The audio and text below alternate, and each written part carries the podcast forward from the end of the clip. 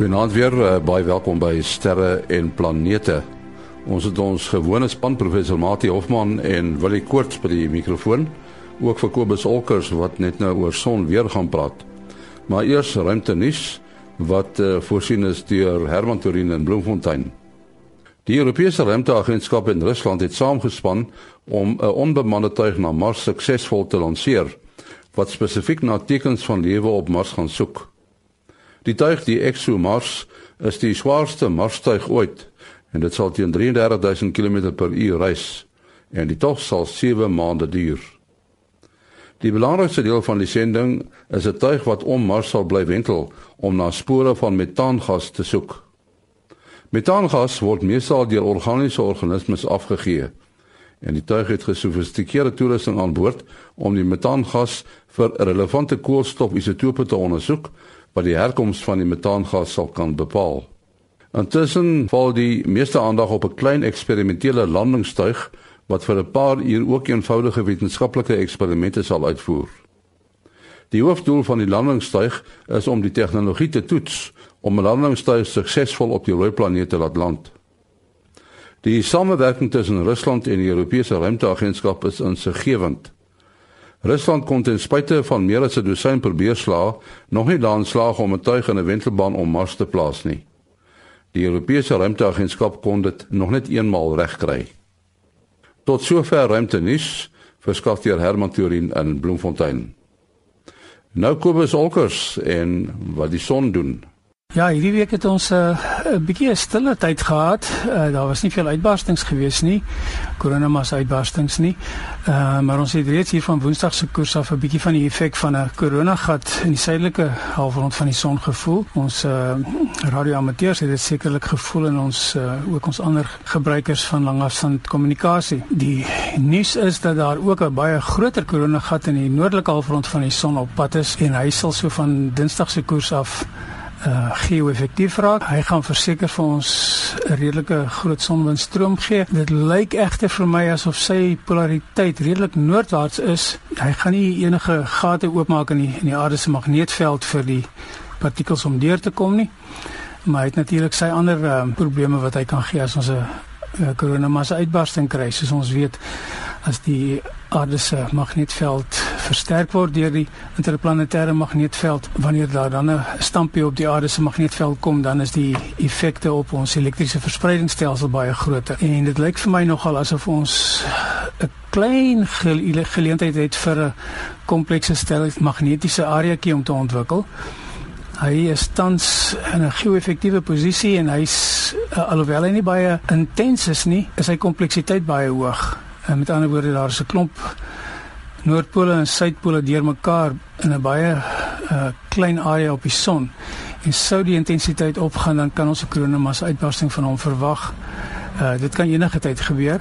Ehm um, soos ek sê, is reeds geo-effektief en ons moet maar net dophou daarvoor. Dan filamente het ons ene wat nou net van die son af weggedraai het. Hy is nie meer 'n probleem vir ons nie, maar ons het twee redelike groot uh, magnetiese grense uh, noord-suid grense wat uh, bymekaar uitkom. En beide van hulle is geo-effektief en beide van hulle gee vir ons redelike lang ek sê as ek sê lang dan bedoel ek so 'n half miljoen kilometer of langer. Filamente wat uh, weens hulle stabiliteit 'n groter probleem kan wees as hulle as hulle platval en vir ons 'n hydervakkel gee of as hulle opstyg en vir ons 'n koronamassa uitbarsting gee. Ehm um, dan die laaste stukkie nuus is dat dit lyk vir my asof daar 'n redelike intense area ehm um, oor die horison van die son aan die opkom is en ons moet hom maar dophou. Dit is ongelukkig nog nie vir ons moontlik om presies te sien hoe lyk hy nie aangesien ons satelliet aan daai kant van die son buite werking is.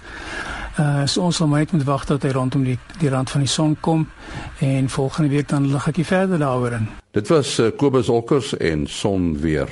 Ja, ons span is weer gereed. Dit is uh professor Mati Hofman van die Universiteit van die Vrystaat, die Boden Sterrewag en die Digitale Planetarium en dan Willie Koorts van die SAAO. Baie welkom by uh Sterre en Planete aan uh, ons span. Ons uh, gaan 'n bietjie gesels oor ja nog 'n sending na Mars En dan gaan ons 'n bietjie kyk na uh impakte op die aarde wat veroorsaak is deur uh meteore. Wil jy ons wil eers gesels oor die uh die vuurpyl wat uh, in, in die week gelanseer is die afgelope week uh, gelanseer is na Mars toe. Groot opwinding, uh, dit is 'n Europese aksie, né? Uh, ek dink daar seker ouens wat vra hoekom lanseer hulle ook 'n vuurpyl na Mars toe wat skynbaar dieselfde dinge doen as wat ehm uh, as wat die Amerikaners doen. Ja, dit is eintlik interessant as 'n mens nou selfs terugkyk na die geskiedenis van Mars sendinge. Ek het uh hier op 'n webwerf afgekom wat uh soos mense wat jy ook in die ruimte nuus gesê het, die russe se sukses na Mars toe is is eintlik nogal nie baie baie goed nie. Ek sit ek kyk hier in 1960 het hulle iets probeer lanseer en toe dit nou nie eers die aarde se wentelbaan bereik nie. Toe 4 4 dae later weer ene selfde probleem toe hulle vir Sputnik 22 het hulle gelanseer op die 24ste Oktober 1962. Ehm um, sou Mars toe gevlieg het en het dan toe in 'n wentelbaan om die aarde gekom en uh uh Mars 1 was toe gelanseer 62 November toe hulle uh, radio probleme gehad kon nie met hom kommunikeer nie. En natuurlik soos jy sê die russe die amerikaners self het natuurlik die mariners gestuur geland in die eerste fotos wat ons gesien het van die Mars oppervlak en en toe die Europe, Europeërs het ook probeer en ook ook al 'n paar uh um vallings gehad. Ja, so mense mense wonder natuurlik Mars uh, bly maar natuurlik nog steeds een van die planete waar ons moontlik kan herkoloniseer as nou die aarde uh heeltemal vernietig neem ek aan en daar is natuurlik 'n plan nog die hele tyd om aan te werk. So dit lyk my hierdie sending is dan tweeledig. Dit is eintlik ook dit is ook twee tuie wat aan mekaar gekoppel is oorspronklik. Uh vlieg dan Mars toe en die een tuig bly dan in 'n wentelbaan waar die kleiner tuigie dan 'n landing uitvoer en um 'n paar beperkte eksperimente doen.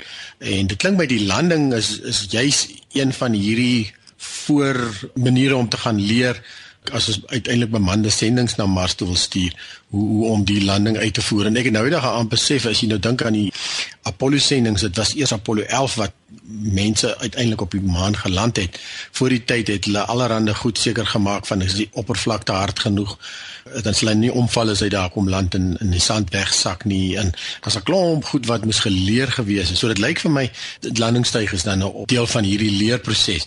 Die satelliet noem dit nou maar wat dan in in wentelbaan bly. Ehm um, lyk my konsentreer hoofsaaklik op metaangas. Ek is nog nie so seker van vorige eksperimente nie. Dit lyk my in 2003 was die eerste keer wat hulle metaan in die atmosfeer van Mars in baie klein hoeveelhede spoor spoor element hoeveelhede ontdek het en dit is toe bevestig 'n jaar later. Alself die metaan op Mars verdwyn na tyd. Dit metaan self is onstabiel, so dit moet dan die hele tyd aangevul word. So ergens moet daar 'n bron wees.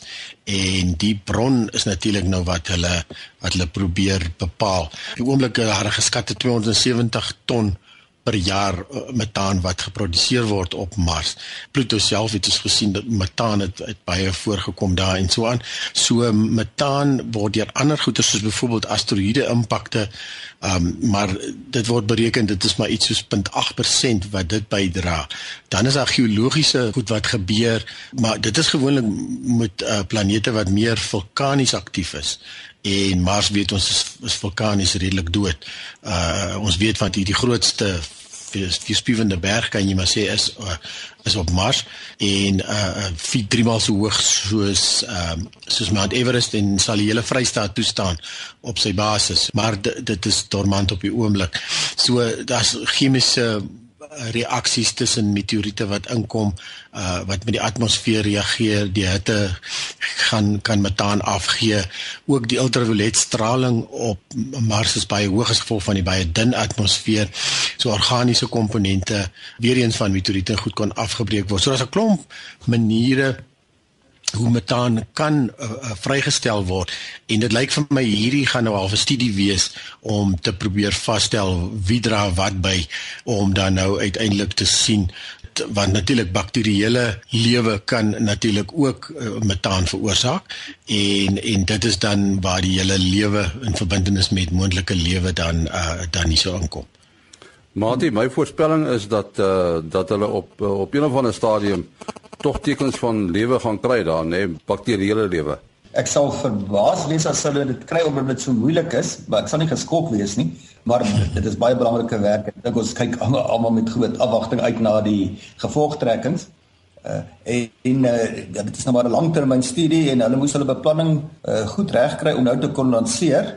Uh, NASA wou ook nou 'n tuig Mars toe gelanseer het, maar hulle het die geleentheid gemis weens uh, tegniese probleme en uh, ons weet dat so elke net meer as 2 jaar kom Mars naby genoeg dat ons nou ons nuuskierige vrae kan gaan probeer uh, beantwoord uh, en hulle moet so 'n paar maande voordat Mars op sy naaste is moet hulle lanseringe hê sodat Mars dan as hy nou daarso aan ag dat die tuig wat nou gestuur word uh, dat hy nou Mars min of meer op sy naaste aan die aarde vind en dit sal hierso in Oktober wees. Jy het nou nou gevra oor die, die hoekom wil Europeërs nou ook hierdie tipe sendinge doen? Hulle het uit nou die belangrike wetenskap uitgewys, maar wat belangrik is is dat uh weet, elke land het maar sy spesialiteite en uh as jy reg fokus en jy weet wat is die leemtes, daar's so baie dinge om te doen, dan kan jy 'n nis area vind en in die, uh, die geval as uh, as ons nou kyk na die tuig die Schiaparelli uh, landingstuig uh gaan van toerusting gebruik maak wat in Finland ontwerp is.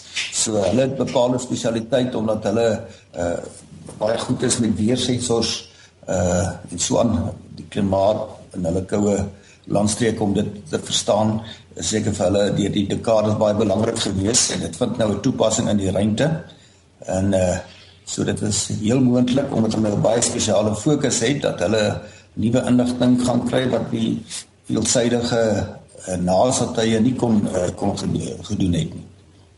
Meen hoe meer uh veelsidig jy wil wees, hoe minder goed kan jy bepaalde uh, nou fokus uh, gaan bestudeer. So uh, ek dink dit is nou die die aanslag van die Europeërs om dan nou op hierdie belangrike aspek van die metaan wat of geologies of biologies belangrik kan wees te fokus. Ja, die ou begrip van jy moet die vuur op meer as een plek aansteek, né? Nee. Uh ja, en uh, ek neem Mars is 'n planeet, al heel wat kleiner as die aarde, maar 'n planeet is 'n baie groot plek en hy's ook nie altyd dieselfde nie. Uh soos byvoorbeeld die aanduidings dat die metaan in die atmosfeer kan kan wysig. So jy moet ook op die regte tyd op die regte plek met die regte toerusting wees. Uh, ek sê elke nou en dan ook byvoorbeeld verras as mense nuwe foto's van Mars sien. Uh, fascinerende foto's en jy het nog nooit van tevore gesien maar dink nou maar net hoe lank sal dit vat vir ons die hele aarde se oppervlak in detail kon bestudeer as ons dit van foto's af sou wou doen? Wel daar is so 'n groot verskeidenheid van interessante plekke wat elkeen 'n bepaalde storie vertel. Uh so om die geheel storie oor 'n lang tyd te ontrafel, moet jy baie spesiale plekke en toestande bestudeer. Goed, ek het gesê ons gaan so 'n bietjie praat oor uh die impakgate wat uh, deur meteore veroorsaak is. Uh die grootste sigbare een is die een natuurlik hier by ons in Suid-Afrika, die Vredefort koepel, maar wil jy daar's mos nou 'n ander een daar in die Golf van Mexiko wat sogenaamd die dinosourusse uit uh, uitgewis het, nê? Nee. Dit is op die stadium die eintlike wat hulle nou al uitgevind het wat moontlik die die impakposisie gewees het.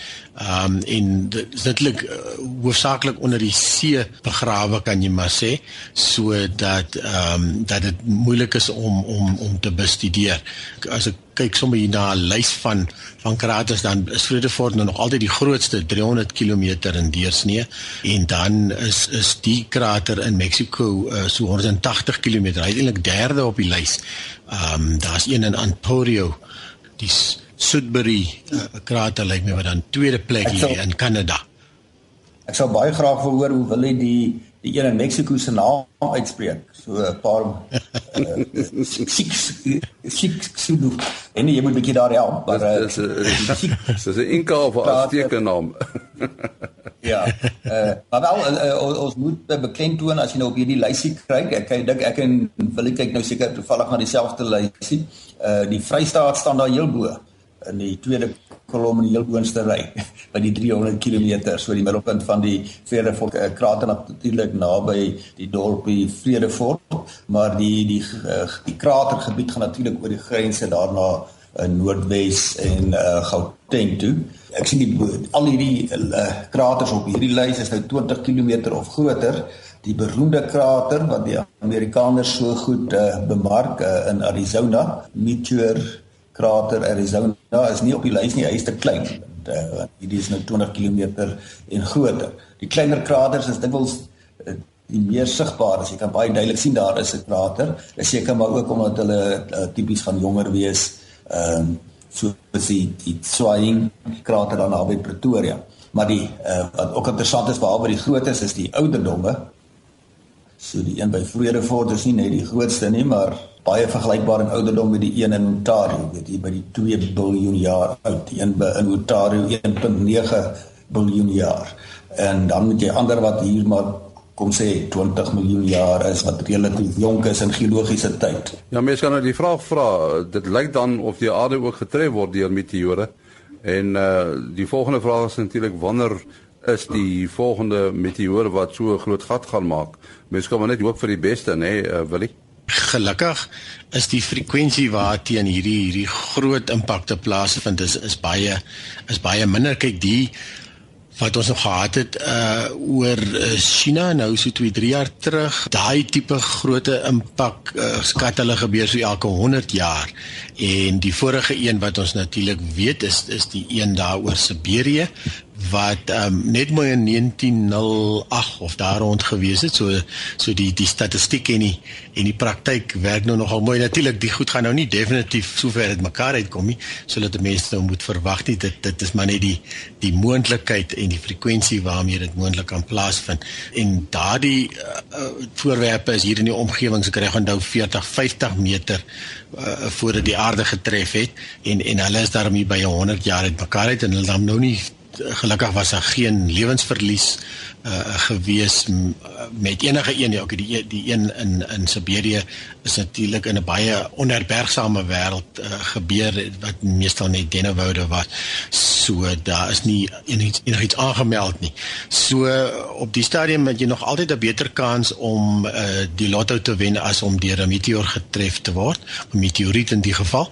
Maar uh, die kans om die lotto te wen is natuurlik ook bitterlik skraal. Ja uh, nee ek kyk nou hier so na tabelletjie. Met so 'n paar gegevens oor groottes van meteoriete en hoe dikwels dit geraam word dat 'n meteoriet van daai grootte op die aarde val. Nou dit hulle vergelyk nou hier 'n 10 cm grootte wat ons nou mooi op 'n liniaal vir ons hier voor ons kan voorstel. Ehm um, 1 meter, 10 meter en 100 meter. Nou die 10 cm deursnee uh sferiese meteoriet praat hulle van elke paar minute. Uh, maar wel dit brand seker meestal grootliks in die atmosfeer uit maar dit uh, tref dan ten minste die aarde se atmosfeer. En dan 'n 1 meter liggaam so een keer elke paar maande 'n 10 meter liggaam en nou begin ons praat van iets uh weet vergelykbaar met wat uh, by in Siberië ge, uh, gebeur het. Uh, en dan ook die uh een by in uh, Rusland so twee is of is dit nou al 3 jaar gelede.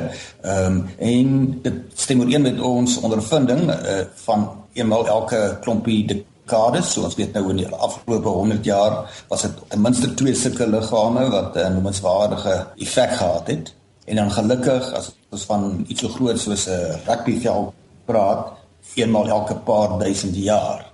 En dit is nou iets wat 'n 'n noemenswaardige skade sou veroorsaak met van katastrofiese omvang maar is daar nou nog nie iets soos 'n Tafelberg grootte wat nou uitwissing van van lewe oor 'n baie baie gebied sou kom veroorsaak nie. Dit gebeur net eenmaal in miljoene jare.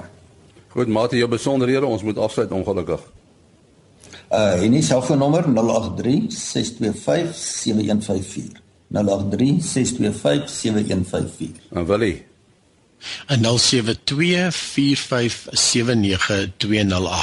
0724579208 En uh, my e-pos is maas.henny@gmail.com maas.henny@gmail.com Tot uh, volgende keer. Alles van die beste